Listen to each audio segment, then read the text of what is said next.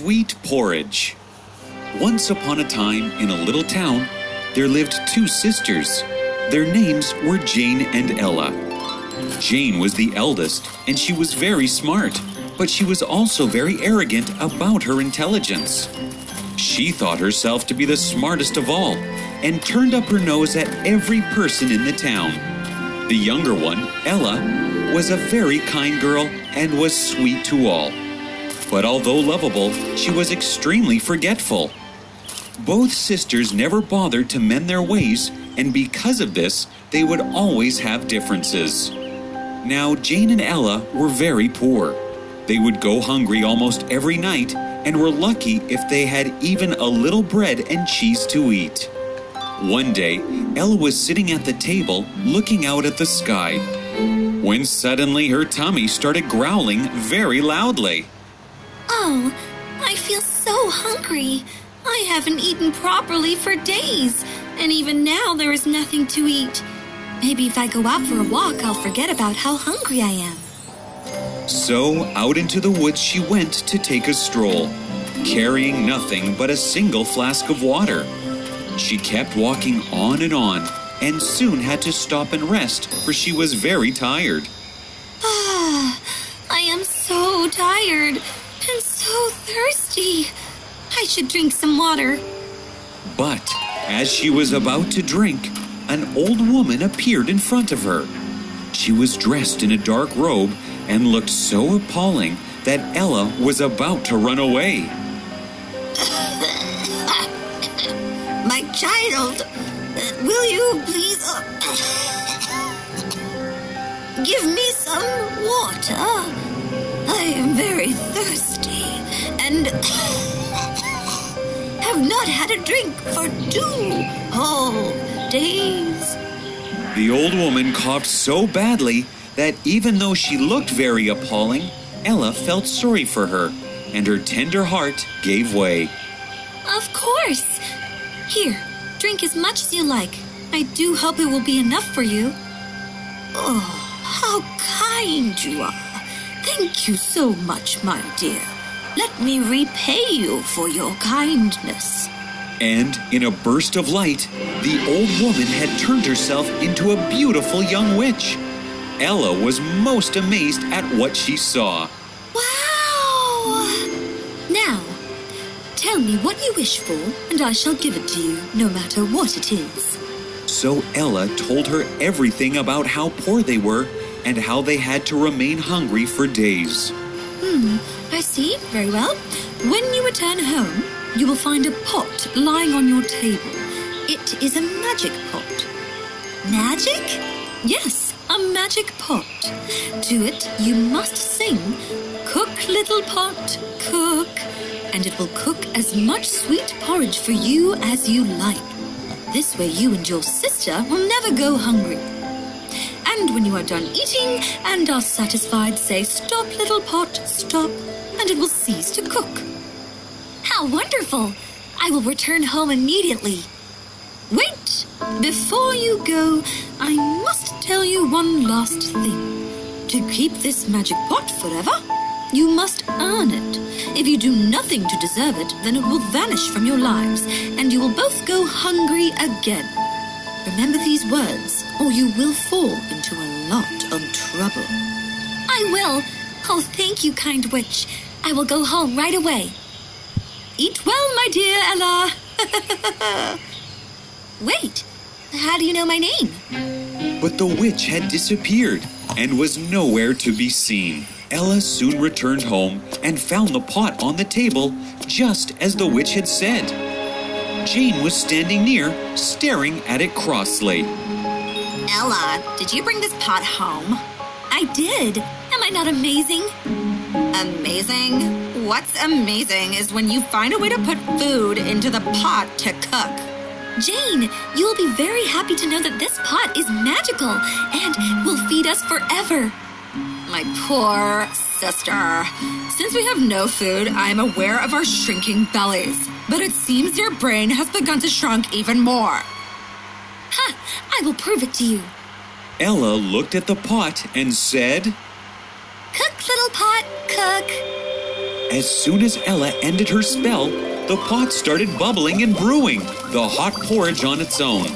Jane was extremely amazed, and Ella looked on with glee.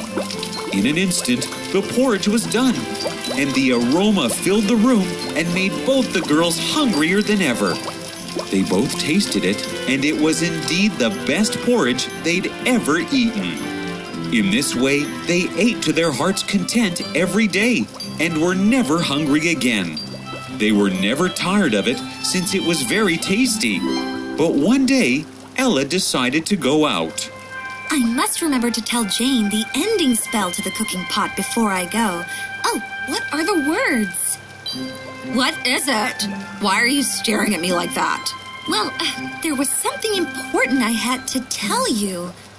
Something important? what important thing could you tell me? You are very mean. Fine, I won't tell you anything. I bet you forgot what you were going to tell me. I. I didn't forget. I'm leaving. But as she left, she remembered the spell. Oh, I remember now. Well, it doesn't matter since she already ate in the morning. I'm sure she won't feel hungry. But after a while, Jane started to feel hungry. Hmm, I feel like eating that delicious porridge. Ella isn't here, so I have it all to myself. She went to the pot and, clapping her hands in glee, chanted the spell happily. Cook, little pot, cook. And the next second, it was cooking up the hot porridge that Jane loved so much. She smelt it greedily, and once it was cooked, she ate it all up. Ah, that was so delicious. Oh, I'm full now. Oh, I'd better make the pot stop cooking. Um, what was the spell for that? Um, oh, stop cooking, pot. But those were not the right words. Ella had never told Jean the spell to stop the pot from cooking. Oh no! What do I do? I- enough! No more porridge! Stop, you silly porridge pot! No matter what she screamed out, the pot went on bubbling up more and more sweet hot porridge. Poor Jean kept yelling at the pot, but nothing helped. After a while, Ella returned home. I'm sure nothing bad must have happened. After all, what harm could come out of forgetting just a small, silly spell? Hmm? Hmm. What is that coming out from under the floor? And I smell porridge, too. Ella went to look through the window, and what a sight she saw! The whole house was filled with sticky sweet porridge. The vases and chairs were swimming in it. Oh, what a disaster! And where's Jane? That's when she saw poor Jane sitting on top of a table that was slowly and steadily sinking into the steaming porridge. Ah! Oh, what do I do? Why won't Ella come home? Jane! Jane, I'm here! What happened? Ella! Oh, my sweet sister! Please chant the magic spell and stop the horrible pot from making more porridge! Stop, little pot, stop! And at last, the magic pot stopped bubbling. The porridge stopped pouring out of it, and Jane and Ella sighed in relief. Thank goodness that is done. But the house is still in such a mess. I'm sorry for forgetting to tell you the spell today. This is all my fault. No, I am to be blamed too. I should have asked and listened to what you had to say today.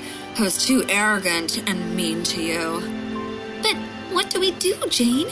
Our house is filled with porridge, and cleaning it would take days. Jane thought for a while and then said, There are so many poor people in this town. Why don't we share some of the porridge with them too? Oh, yes! I bet there are a lot of people simply starving.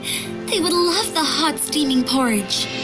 And away went Ella to fetch all the poor and starving people from their homes and off the streets. Everyone, we have some delicious porridge to give you all. I am sure you will all just love it. Get your bowls and spoons and come to eat. And up came all the people with bright, sparkling eyes. Jane filled the bowls while inside, and Ella served them out to all the people. They ate up the porridge with gusto. Thank you, Ella and Jane. I hadn't eaten for five days.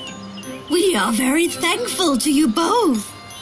Soon the house was empty. There was no porridge anywhere.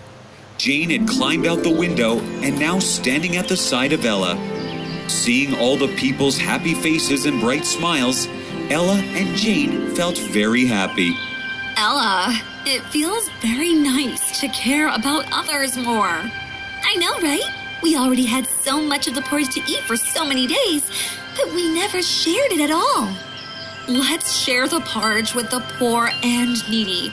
Let's feed them every day so they never go hungry again. So every day, Jane and Ella would go out to the streets and to the poor people's homes and feed them with fresh, hot, tasty porridge. This went on for a long time until one such day an old beggar came to them. He was draped in torn clothes, and Ella and Jane looked at him as he came up to them. My dear children, would you be so kind as to offer me the pot that makes this porridge? I have come from far off, and my little grandchildren are sick. I have nothing to feed them. May I take it home with me? What do we do, Jane? If he takes the pot, then we will be hungry again. It's fine. We have had our fill, and it would be worse for the children if they didn't eat at all. So Jane turned to the old beggar and smiled. Sir, you may take the pot to your grandchildren and feed them well. I hope they feel better after eating it. And immediately the old beggar turned into the witch. Oh, the porridge witch!